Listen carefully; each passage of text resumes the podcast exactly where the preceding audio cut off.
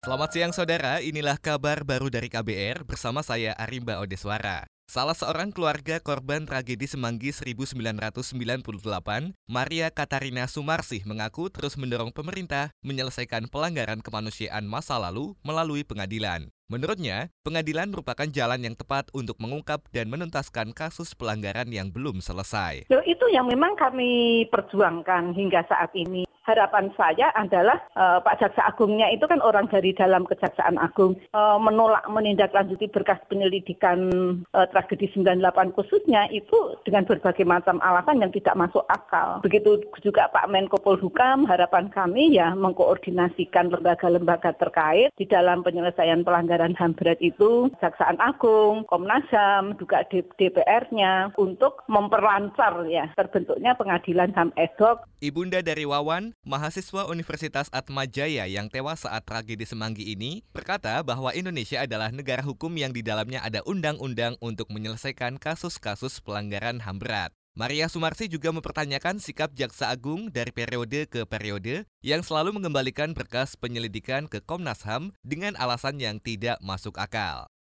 Sementara itu, saudara, masyarakat mengeluhkan masih adanya agen fiktif atau bodong yang berkeliaran dalam penyaluran bantuan pangan non-tunai BPNT. Itu disampaikan Direktur Utama Perumbulok Budi Waseso saat rapat dengar pendapat RDP dengan Komisi Bidang Pertanian DPR kemarin. Berdasarkan laporan keluhan yang dirangkum dari berbagai sumber di beberapa wilayah, beberapa hal yang dapat menjadi perhatian bersama di antaranya adalah keluhan harga beras bantuan yang dinilai terlalu mahal, penyimpangan data, munculnya agen fiktif atau bodong, hingga adanya intervensi dan kenakalan supplier. Dirut Perumbulok Budi Waseso berjanji akan menindak tegas oknum nakal yang meresahkan masyarakat dalam penyaluran bantuan dari pemerintah itu. Ia optimis mampu mencari solusi atas kendala-kendala tersebut untuk menjaga kepercayaan konsumen akan program ini.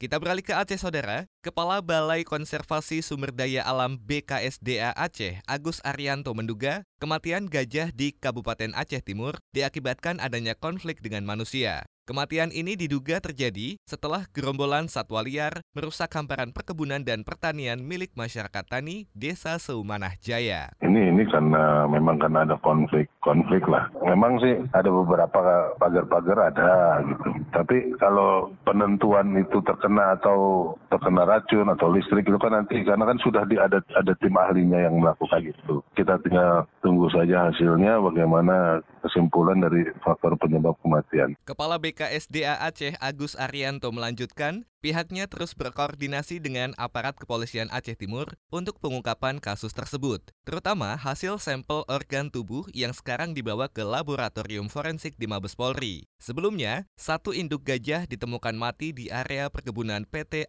Atakana di kawasan Desa Seumanah Jaya, Kabupaten Aceh Timur.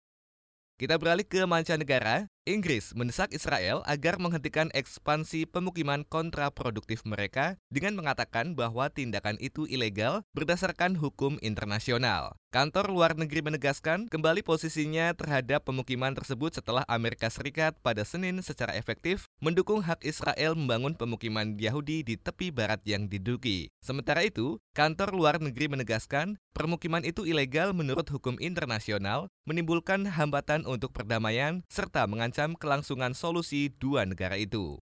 Demikian kabar baru dari KBR, saya Arimba Odeswara.